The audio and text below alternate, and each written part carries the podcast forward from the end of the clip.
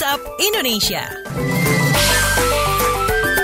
Saatnya kita keliling Indonesia di WhatsApp Indonesia dan kita awali dari Balikpapan di mana pajak hiburan dimanipulasi dan bocor hampir 100%. Selengkapnya dilaporkan kontributor KBR ada Teddy Rumengan. Selamat pagi. Selamat pagi. Pajak hiburan di kota Balikpapan, Kalimantan Timur diduga bocor hampir 100%. Anggota Komisi Perekonomian DPRD Kota Balikpapan Sukri Wahid mengatakan dari hasil inspeksi mendadak yang dilakukan rata-rata pemilik tempat hiburan malam diduga memanipulasi pajak hiburan.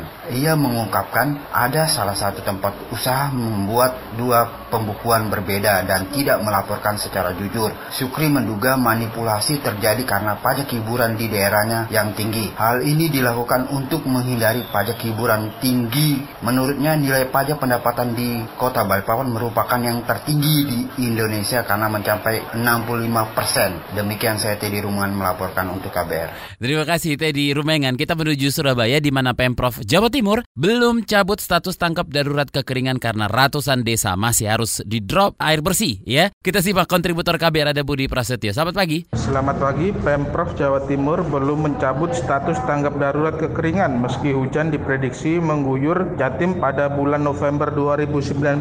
Kebijakan itu diambil karena ratusan desa di Jatim masih mengalami kekeringan kritis sehingga harus dipasok air bersih setiap hari. Wakil Gubernur Jawa Timur Emil Elistianto Dardak kemarin mengatakan Pemprov Jatim sudah menyiapkan anggaran 100 miliar untuk penanganan bencana. Selain itu, Pemprov Jatim juga berkoordinasi dengan BPBD di kabupaten kota agar menyiapkan armada untuk mengirim pasokan air bersih di beberapa wilayah. Badan Penanggulangan Bencana Daerah Jawa Timur mencatat sebanyak 566 desa yang mengalami kekeringan kritis di provinsi itu, di antaranya Kabupaten Magetan, Tulungagung, Bojonegoro, Pacitan, Tuban, dan Lamongan.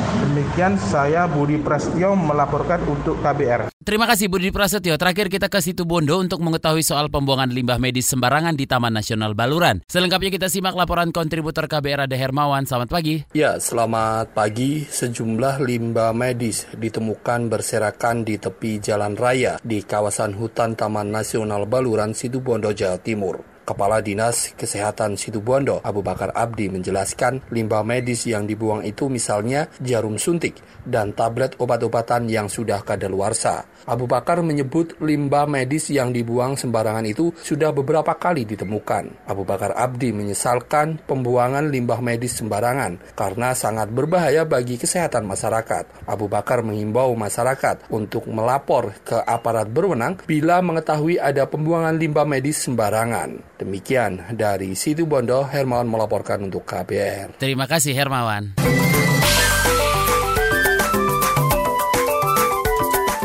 WhatsApp Indonesia.